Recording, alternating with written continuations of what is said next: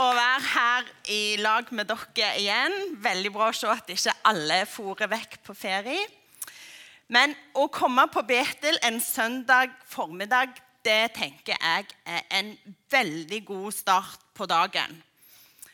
Og nå håper jeg at mange av dere har fått spist litt frokost før dere kom. Hva, er det noen, jeg må høre litt hva dere spiser til frokost. Skjeva med Nugatti. Bra. Er det noen som spiser noe annet enn skjeva med Nugatti? Hva, du spiser Godteri. Ja! Her høres det ut til å være mange gode frokoster. Hva du spiser Olav? Ja, jeg tror, vi, jeg tror du liker veldig godt sånn blanding som dette. Frokostblanding. Vet dere at Jesus han lagde frokost til vennene sine en gang? Jeg vet ikke om det var skjeva med Nugatti. Jeg tror ikke det. Hvis dere følger med, så skal dere få høre hva det var han lagde. Men før vi hører om den frokosten, så må vi spole litt sånn tilbake i bibelhistorien. Eh, for mange av dere husker sikkert hva som skjedde i påsken. Da ble Jesus tatt til fange. Og disiplene de skjønte gjerne ikke helt hva som skjedde. Men full, Peter fulgte litt med og så når Jesus ble tatt til fange. Og så så han dette her ser ikke helt bra ut. Kanskje han ble litt sånn redd.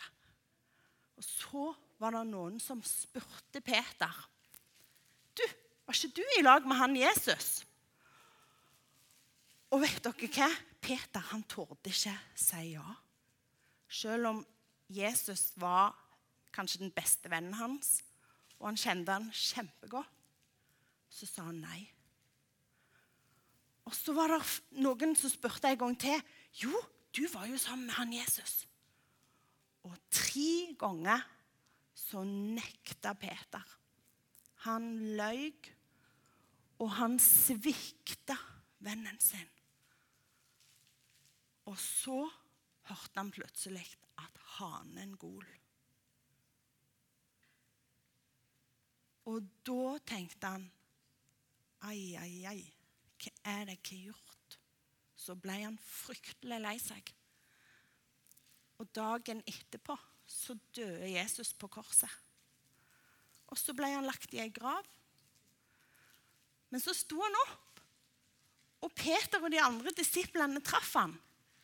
Men alt var liksom litt sånn annerledes, tror jeg. Fordi Før så hadde de jo gått mye sammen med Jesus.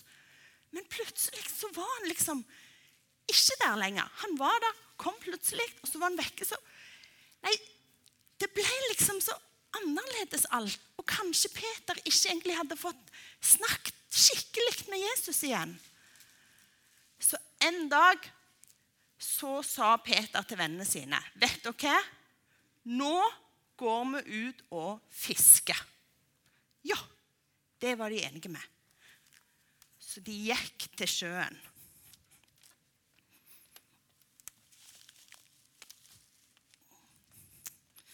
Ned til sjøen gikk de. Tenker vi at dette her er sjøen. sant? Fine sjø her. Og så tenkte de vi henter ut båten.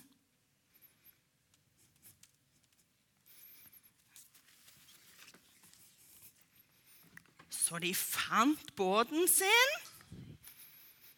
og de satte den på sjøen med utstyret sitt.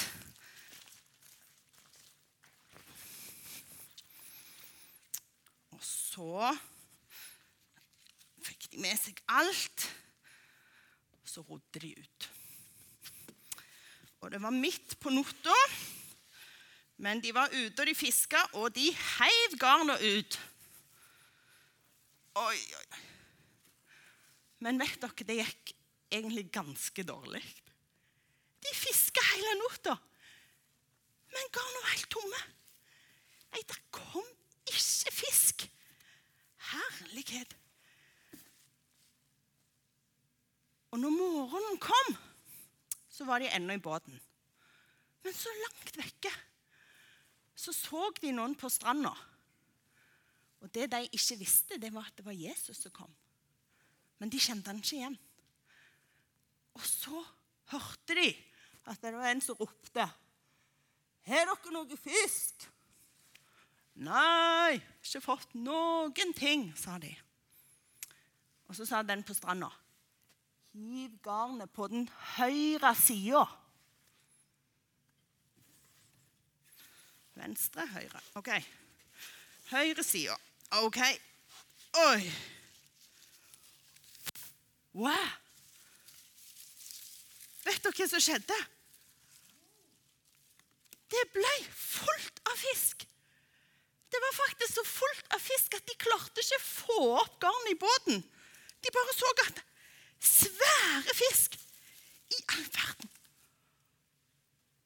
Da så Peter inn mot land, og så tenkte han Det er Jesus! Og vet du hva det står i Bibelen? Han stupte ut i vannet og svømte bort til Jesus. Og når han kom bort til Jesus, da hadde Jesus lagd et bål, og han hadde begynt å legge noe fisk på bålet. Så sier han, 'Kom og få litt frokost.' 'Kom med noe av den fisken dere fikk.' Og Da tenkte Peter oi, oi, jeg må hjelpe vennene mine. Så de for bort, og de klarte å dra fisken i land. Og eh,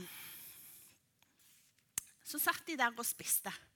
Og jeg tror at Peter var veldig glad for å få se Jesus igjen.